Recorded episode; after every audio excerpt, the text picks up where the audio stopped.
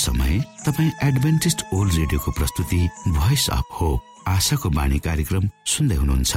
कार्यक्रम प्रस्तुता म रवि। यो समय तपाईँको साथमा छु। बाइबलले भन्दछ सारा भूमण्डल आकाश मण्डलको सृष्टिकर्ता परमेश्वर साँच्चै अचम्मको परमेश्वर हुनुहुन्छ। के तपाईँलाई थाहा छ?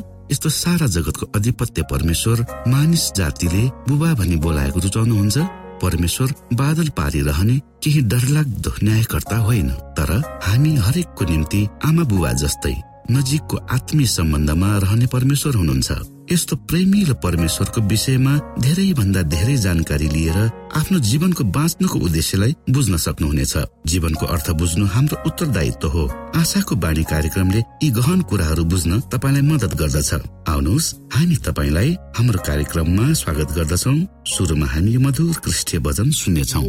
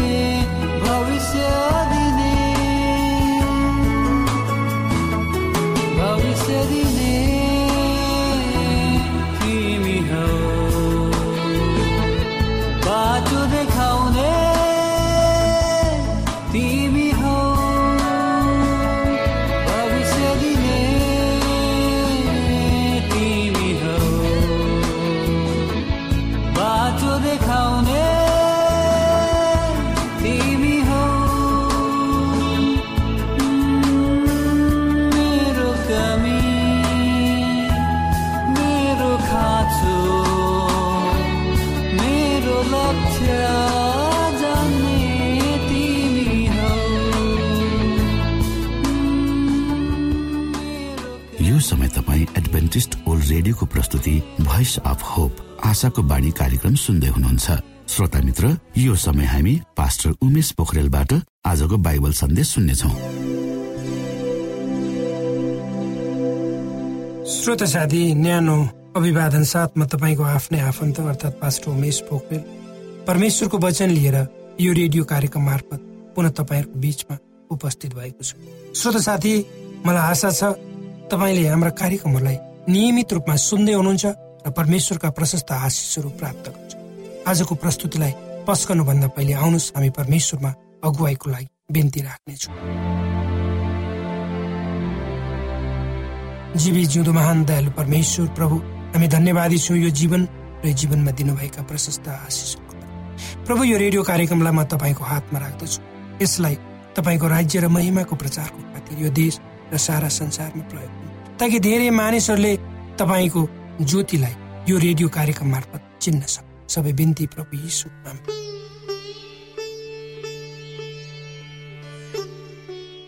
श्रोत साथी रोबर्ट सेलुलर भन्ने एकजना मानिस एउटा जहाजमा यात्रा गर्दै थिए र जहाजको क्याप्टनले अचानक यसो भनेर सूचना दिए हाम्रो जहाज केही समय पछि एक साँगुरो र खतरायुक्त बाटो भएर अगाडि बढ्नु पर्नेछ उक्त जहाजलाई समुद्रमा तैरनको लागि कमसे कम तिस फिट पानी हुनु पर्थ्यो नभए यदि तिस फिट पानी भएन भने त्यो जहाज जमिनमा घसेर अड्किन सक्दथ्यो त्यतिकैमा एउटा सानो मोटर बोट देखियो र र उक्त मोटर बाट मोटर बोटबाट अस्ट्रेलियन एउटा क्याप्टन ओर्ले। र ठुलो जहाज हाँक्ने सिटमा बसे र ठुलो जहाजलाई साँगुरो चेपबाट कसरी समुद्रमा हिँडाउनु पर्छ भनेर विशेष गरी दुईटा विशाल चट्टानहरूको बिचमा भएर भन्ने कुरामा उनी विज्ञ थिए र उनले कुनै समस्या बिना उक्त जहाजलाई साँगुरो र अप्ठ्यारो बाटोबाट सकुशल अगाडि बढाए। यो घटनामा एउटा महत्वपूर्ण शिक्षा तपाईँ हामीलाई दिएको छ। त्यो के हो भने तपाईँ हाम्रो जीवनमा आउने कुनै पनि आँधी बेरीको भुमरीमा हामी पर्नुभन्दा पहिले प्रभु यीशुलाई हाम्रो जीवनको गाडी हाँक्ने ड्राइभर बनाउनु पर्छ र तपाईँ हामीलाई आफूसँग यात्रा गर्ने साथीहरू को को हुन् भनेर थाहा हुन जरुरी छ। किनकि समुद्रको बिचमा पुगेको जहाज जब ठुलो आँधी बेरीको बिचमा फस्छ तब त्यो डुब्ने सम्भावना हुन्छ। त्यसैले त पवित्र धर्मशास्त्र बाइबलको प्रेरित सत्ताइस अध्यायको पच्चिस पदमा पावल प्रेरित उभिएर भन्छन् यसकारण मित्र हो साहस गर्नुहोस्। म परमेश्वरमा विश्वास गर्छु मलाई जस्तो भन्न बताइएको छ ठिक त्यस्तै हुनेछ। किनकि पावललाई थाहा थियो कि उक्त दिन त्यो जहाजको क्याप्टेन को हुन् भनेर उनलाई पूर्ण विश्वास थियो। उनमाथि किनकि उनले कहिले पनि परमेश्वरले गर्नुभएको प्रतिज्ञामा शङ्का गरे। र उक्त जहाजमा भएका सबै बचाइनेछ तर जहाज नष्ट हुनेछ भनेर परमेश्वरले भन्नुभएको थियो। श्रोत साथी जब तपाईँ हामी हाम्रो जीवनमा विभिन्न किसिमका आँधी र तुफानहरू बाहिर गुज्रन्छौँ अनि आफ्नो विश्वासमा हामी कमजोर हुन्छौँ धेरै समय तर त्यति बेला पनि परमेश्वरको वचनले भनेका कुराहरू हामीले बोल्नु हुँदैन ज जसले परमेश्वरमा विश्वास गर्छन् तिनीहरूलाई आफूले जे भन्नुभएको छ परमेश्वरले त्यो गर्नुहुन्छ। चाहे हाम्रो अवस्था जस्तो सुकै प्रतिकूल किन नहोस्। जब तपाईँ र म आधी र बेरीको भुमारीमा पर्छु तब के गर्ने? त्यसबाट कसरी बाहिर आउने? हामी आफैले सकेको प्रयास अवश्य गर्छौँ तर हाम्रो आफ्नै बुताले वा शक्तिले त्यसबाट बाहिर निस्कन हामी सक्दैन पवित्र धर्मशास्त्र बाइबलको मत्ती चौध अध्यायको चौबिस पदमा यसो लेखिएको छ। डुङ्गा त्यति बेलासम्म किनारदेखि समुद्रमा धेरै टाढा पुगिसकेको थियो।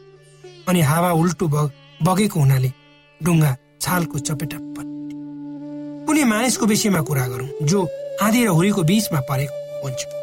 त्यो मानिसले समुद्रका छालहरूको उचाइ र बतासको गतिको विषयमा अनुभव गरेको हुन्छ। यस विषयमा यर्मिया यसरी भन्छन् आफू कति छिटै डुब्दै गएको उनी महसुस गर्छ तर उनको मनमा परमेश्वरको वचन आउँछ र उनी आशावादी हुन्छ जब आफू डुब्दै गरेको अवस्था। त्यसैले त पवित्र धर्मशास्त्र बाइबलको विलाप भन्ने पुस्तकको तीन अध्यायको एक्काइसदेखि चौबिस पदहरूमा उनी भन्छ तर जब म स्मरण गर्छु त्यसले मलाई आशा दिन्छ। परमप्रभुको महान प्रेमले गर्दा हामी भस्म भएका छैनौँ। उहाँको कृपाको अन्त कहिले हुँदैन। हरेक बिहान उहाँको कृपा नयाँ हुन्छ। तपाईँको विश्वस्ता महान छ। मेरो प्राणले भन्छ परमप्रभु नै मेरो सर्वस्व हुनुहुन्छ। त्यसै कारण म धैर्यता साथ उहाँको प्रतीक्षा गरिरहेको हुन्छु जब यर्मी आफ्ना नजरहरू आँधीहरूबाट निकालेर परमेश्वरतिर फर्काउँछ तब उनको मनमा परमेश्वरले गर्नुभएका प्रतिज्ञाहरू देखा पर्न थाल्छ। परमेश्वरले आफ्ना प्रेमयुक्त आँखाले जहिले पनि हेरिरहनुहुन्छ भन्ने कुरा उनले बुझ्छन् र उहाँको दयाको अन्त्य कहिले पनि हुँदैन भन्ने कुरा उनले देख्छन्। र उहाँका प्रतिज्ञा र प्रेम प्रत्येक बिहान नवीकरण हुन्छ।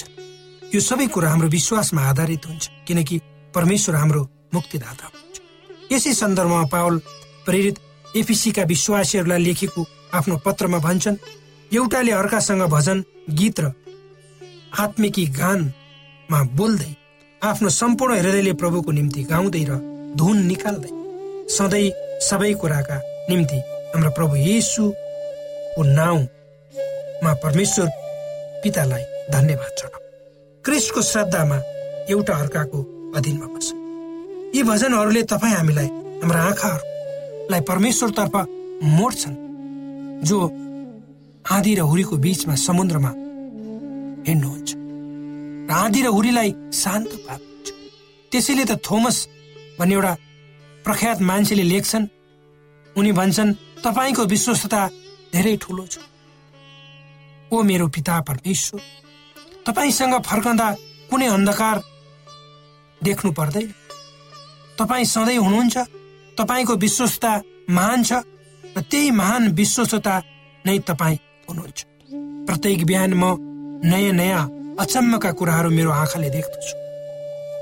जे जति तपाईँले प्रतिज्ञा गर्नुभयो त्यो सबै तपाईँले पुरा गर्नु।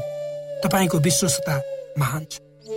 श्रोता साथी यो संसारमा जिउँदा हामी सबैले कुनै न कुनै किसिमले धेरै प्रकारका बाधा अवरोध र समस्याहरूको सामना चाहेर वा नचाहेर गर्नै पर्छ। कतिपय अवस्थामा हामीले कहिले पनि नसोचेका अवरोधहरूलाई भोग्न वा सहनु पर्ने हुन्छ। हामीले गर्दै नगरेका कामको दोषी हामी बन्नुपर्ने परिस्थिति पनि आउन सक्छ। भने हामीले नबोलेका कुराहरूमा हामीलाई दोषी पनि बनाइन्छ। चाहे हाम्रो सामाजिक आर्थिक व्यावसायिक वा घरायसी जीवन किन नहोस् हामीले धेरै किसिमका अप्ठ्याराहरूलाई हामीले सामना गर्नै पर्छ। र गरि नै रहेका छौँ। जीवनका सबै दिनहरू सहज र उपलब्धिमूलक हुन्छन् भन्न सकिन् कयौँ दिन रातहरू हामीले अन्धकारमा बिताउनु पर्ने हुन सक्छ। जीवन बडो कठिन मोडमा गएर बीच चौबाटोमा कुन बाटो जाने भन्ने निर्णय गर्न नसकी अड्किएको वा उभिएको पनि हुन सक्छ। हामी आफ्ना जीवनका विभिन्न कालखण्डहरूमा असफल भएर हताश एवं निराश जीवन पनि जिरहेका हुन सक्छौँ। त्यो बेला पनि हाम्रो कानमा परमेश्वरले विभिन्न माध्यमहरूद्वारा उहाँ हामीसँग हुनुहुन्छ भन्ने भरोसा दिइराख्नु भएको हुन्छ। तर त्यसलाई सुन्न नसुन्न हामीमा भर पर्छ। कतिपय समस्या समयमा जब हामी कष्टप्रद दिनहरू भएर गुज्रन्छौँ तब हामीलाई लाग्दछ खै परमेश्वरले के गर्नु? यदि उहाँ हुनुहुन्छ भने किन यस्तो? जस्ता धेरै प्रश्नहरू हाम्रा मनमा खेल्छ। आजको युगमा बाँचेका हामी सबैलाई फास्ट फुड जस्तै हामी सबैलाई सबै कुरा फास्ट फुड जस्तै चाहिन्छ। वा हामी सबै कुरालाई फास्ट फुडको रूपमा लिन चाहन्छौँ। हामीलाई चाहिन सायद प्राप्त हुनुपर्छ भन्ने चाहना हामी गर्छौँ। त्यो कति सान्दर्भिक र व्यवहारिक छ त्यसमा हामीले गम गर्नै पर्छ। श्रोत साथी मानिस स्वभावले आफूलाई मात्र मान्ने वा आफू मात्र भन्ने भावनाद्वारा दोहोऱ्याएको हुन्छ। र ऊ आफ्नो जीवनको मालिक आफै भएको ठान्छ। र आफूलाई जसरी जसरी मन लाग्यो त्यसरी डोर्याउने वा अगाडि बढाउन ऊ चाहन्छ। त्यसैले त आजको यो संसार यसरी नराम्रो अवस्था भएर अगाडि बढ्दैछ। संसारको दुर्गति अवनतिमा मानिस नै जिम्मेवार छ हामी आफ्ना सबै भारीहरू आफै बोक्न चाहन्छौँ। ती भारीहरू व्यक्त वा अव्यक्त वा देखिने वा नदेखिने कुनै किसिमका पनि हुन सक्छन्। जब हामी आफू आफै निर्णय गर्छौँ। आफ्नो जीवन रूपी यात्रा आफै तय गर्छौँ तब हामी लड्छौँ। केही परसम्म त यात्रा जसो तसो गर्छौँ गरौँला तर गन्तव्यमा पुग्न नपाई बिच बाटैमा हराउँछौँ। यो तपाईँ हामी सबैले अनुभव गरेको कुरा हुनुपर्छ। यदि तपाईँ र म केही गर्न चाहन्छु चाहे त्यो सानो कुरा किन नहोस् हाम्रो योजनामा परमेश्वरलाई समावेश गर्यौँ निश्चय नै हामी हाम्रो योजनामा सफल हुन्छौँ। यसमा दुविधा मान्नु पर्दैन श्रोत यदि कसैले पनि आफ्नो हृदयलाई परमेश्वरमा पूर्ण रूपले समर्पण गर्छ र आफ्नो जीवन रूपी बाटो परमेश्वरको अगुवाईमा तय गर्छ भने ऊ आफ्नो गन्तव्यमा अवश्य पनि पुग्छ। यी वचनहरूले तपाईँलाई अगुवाई गरून्।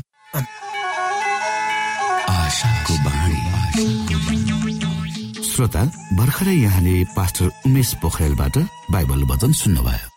यो समय तपाईँ एडभेन्टिस्ट ओल्ड रेडियोको प्रस्तुति भोइस अफ होप आशाको बाणी कार्यक्रम सुन्दै हुनुहुन्छ। कार्यक्रम सुनेर बस्नुहुने सबै श्रोतालाई हामी हाम्रो कार्यक्रममा स्वागत गर्न चाहन्छौ।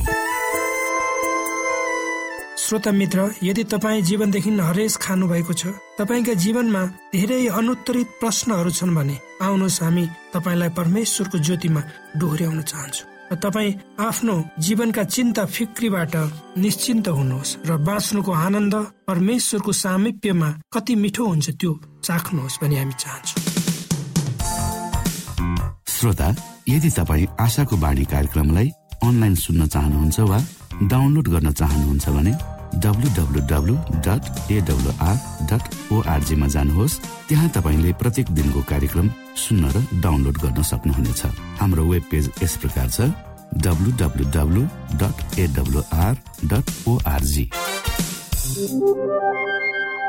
श्रोता यदि तपाईँ हामीसित सिधै फोनमा सम्पर्क गर्न चाहनुहुन्छ भने हाम्रा नम्बरहरू यस प्रकार छन्। अन्ठानब्बे एकसाठी पचपन्न शून्य एक सय बिस। अन्ठानब्बे एकसाठी पचपन्न शून्य एक सय बिस। र अर्को अन्ठानब्बे अठार त्रिपन्न पन्चानब्बे पचपन्न। अन्ठानब्बे अठार त्रिपन्न पन्चानब्बे पचपन्न। श्रोता साथी न्यानो क्रिस्टी अभिवादन साथ म तपाईँहरूको आफ्नै आफन्त पास्टर उमेश पोखरेल यो रेडियो कार्यक्रम मार्फत तपाईँहरूको बिचमा उपस्थित भएको छु।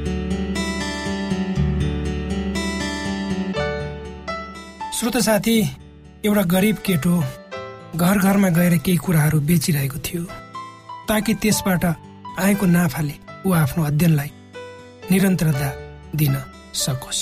एक दिन ऊ दिनभरि घुमेकोले थकानले चुर भएको थियो। एउटा सानो चिज मात्र बेच्न बाँकी थियो उसँग। ऊ ऊ भोकाएको पनि थियो। उसले मनमा निर्णय गर्यो अब अर्को घरमा गएर केही खानेकुरा माग्नेछ र खानेछ।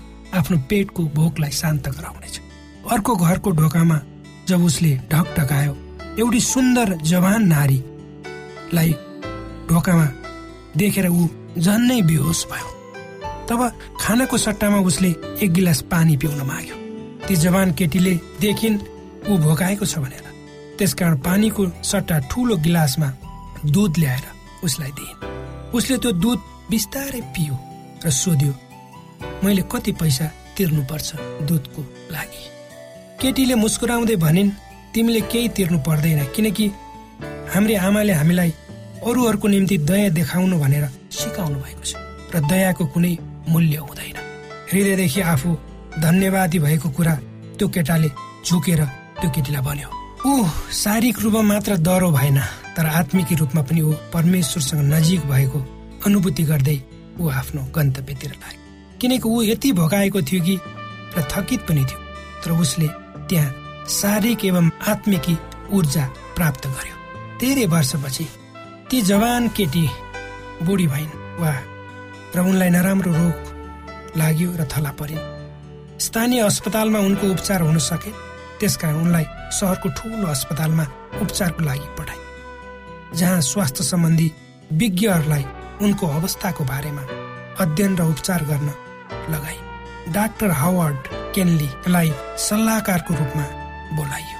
डाक्टर हावर्ड केन्नीले ती महिलाको स्थायी ठेगाना जब पढे उनलाई त्यो ठाउँको सम्झना आयो र अचम्मको ज्योति उनको आँखामा चम्क्यो। र उनी ती महिला भएको कोठामा गए। डाक्टरको लुगा लगाएर उनी त्यो महिलाको विषयमा जानकारी लिन त्यहाँ गए र उनलाई एकै नजरमा चिने। र जति सक्दो ती महिलालाई सहयोग गर्ने र उनको जीवन बचाउने उनले निर्णय गरे। त्यस दिनदेखि उनले त्यही महिलाको उपचारमा विशेष हेरचाह पुर्याए धेरै धेरै सङ्घर्षपछि ती महिलाले मृत्युलाई पराजित गरेर निको भए डाक्टर केन्नीले अस्पतालको आर्थिक कारोबार गर्ने अफिसलाई ती महिलाको सम्पूर्ण खर्चको बिल उनको अगाडि ल्याउनु भनेर निर्देशन दिए जब ती महिलाको बिल उनको टेबलमा आयो। उनले सरसर्ती बिल हेरेर बिलको एउटा कुनामा केही लेखेर त्यसलाई ती महिलाको कोठामा पठाइदिए। उक्त बिल भएको खाम खोल्न ती महिला डराई नचाहँदा नचाहँदै खोलिन् किनकि उनलाई थाहा थियो कि उनको उपचारको बिल उनले आफ्नो बाँकी जीवन भरि कमाई गरेर पनि तिर्न सक्दिन भने जे भए पनि उनले त्यो बिललाई हेरिन् र त्यो बिलको एक छेउमा लेखिएको कुराले उनको ध्यान केन्द्रित गर्यो र त्यहाँ यसरी लेखिएको थियो। एक गिलास दुधको खातिर सबै बिल चुक्ता गरियो। तल डाक्टर हवर्ड क्यानले हस्ताक्षर गर्नुभएको थियो। उनको आँखाबाट खुसीका आँसु अनासै खसे। उनको खुसीको कुनै सीमा रहेन र उनले प्रार्थना गरे परमेश्वरलाई धन्यवाद दिन् र भनिन् तपाईँको प्रेमको लागि। तपाईँले मानव जातिको लागि गर्नुभएको प्रेम र बलिदानको लागि भनेर उनले धन्यवाद दिए। श्रोत साथी यो कथाले तपाईँको जीवन परमेश्वरको प्रेमलाई बुझ्नको लागि मद्दत गरोस्। यही मेरो काम। कोभिड नाइन्टिनका सम्पूर्ण खोप वा भ्याक्सिनको सफल परीक्षण गरिएको छ। यी भ्याक्सिन लिनाले हामी गम्भीर बिरामी हुनबाट जोगिन सक्छौ। त्यसैले तपाईँ पनि यो खोप लिनुहोस्। यदि तपाईँलाई पहिले नै कोभिड पोजिटिभ देखिसकिएको छ भने तपाईँ यो खोप चाँडै नै लिनुहोस्। यसो गर्नाले हामी र हाम्रो समुदायमा रोग प्रतिरोधक शक्ति चाँडै नै आउनेछ र हामी सबैजना पहिले जस्तै सामान्य जीवनमा फर्कन सक्दछौ। युनेस्को डब्लुएचओ र रेडियो कार्यक्रम आशाको बाणीबाट जनहितमा जारी सन्देश।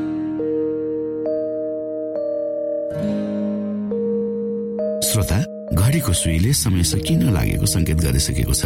श्रोतासँग अरू समय बिताउने चाहना हुँदा हुँदै पनि हामीले कार्यक्रमबाट विदा माग्ने समय आइसकेको छ।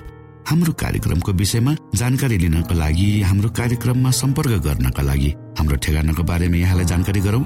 आशाको बाणी पोस्ट बक्स नम्बर दुई शून्य शून्य शून्य दुई काठमाडौँ नेपाल। यसै गरी श्रोता यदि तपाईँ हामीसित सिधै फोनमा सम्पर्क गर्न चाहनुहुन्छ भने हाम्रा नम्बरहरू यस प्रकार छन् अन्ठानब्बे एकसाठी पचपन्न शून्य एक सय बिस। अन्ठानब्बे एकसाठी पचपन्न शून्य एक सय बिस। र अर्को अन्ठानब्बे अठार त्रिपन्न पन्चानब्बे पचपन्न। अन्ठानब्बे अठार त्रिपन्न पन्चानब्बे पचपन्न। श्रोता तपाईँ हामीलाई इमेल पनि गर्न सक्नुहुन्छ।